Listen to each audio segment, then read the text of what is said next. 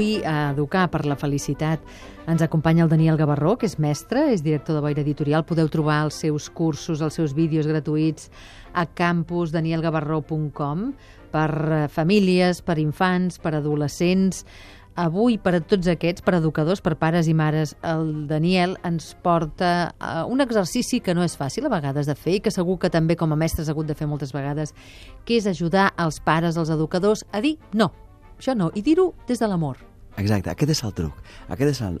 L'altre dia estava fent una formació amb, amb l'AMPA d'una escola, no? I una família... Eh, jo preguntava, quines són les coses que us han portat aquí, no? I una família va dir explícitament, m'agradaria poder dir no sense dir no. I la meva pregunta va ser, però què té de dolent la paraula no? I és que a vegades nosaltres no sabem dir no, i és perquè no hem trobat la forma de dir no des de l'amor. I a mi m'agradaria avui donar un truc per dir no des de la forma de, de, des de l'amor. A mi m'agradaria mm, fer la següent reflexió, i és molt senzilla, eh? no, no, tampoc no, no crec que res complicat és.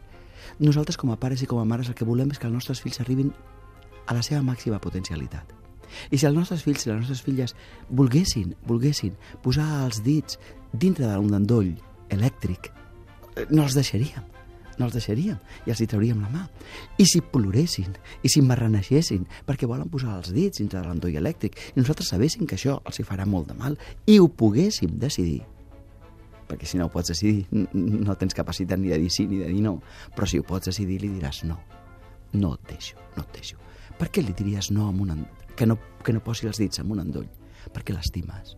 I el, teu, I el teu no no estaria carregat de culpa. El teu no estaria carregat d'amor. Però el teu, el teu fill ploraria.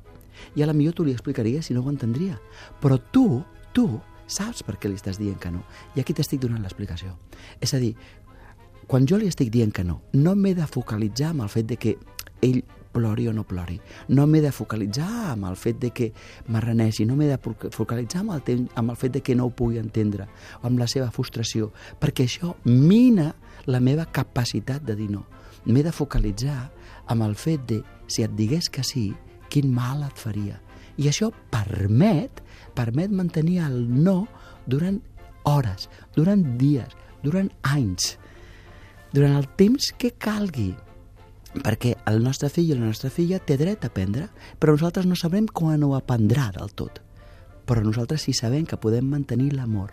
Per tant, no ens hem de focalitzar amb el que li costa amb el seu, si és que li costa, si és que no ho entén, amb el seu dolor, amb el que sigui, sinó amb el bé que li estem fent. I d'aquesta manera jo puc dir no sòlid i es manté. I una altra cosa molt important, si em focalitzo aquí, els meus sis tindran valor. Per tant, mm, fem més clars, amb més fermesa, els sis i els nos.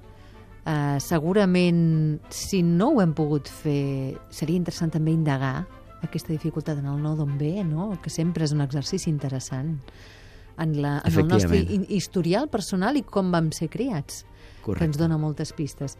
Fins aquí, Educar per la Felicitat. Daniel Gavarró, una abraçada, moltes gràcies i gràcies a tothom.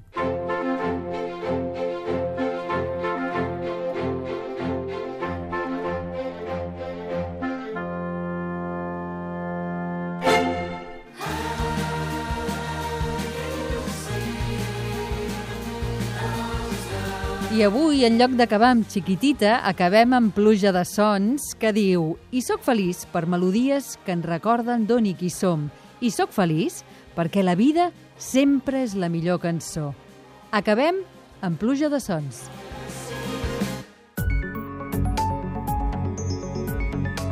L'Ofici a Catalunya Ràdio.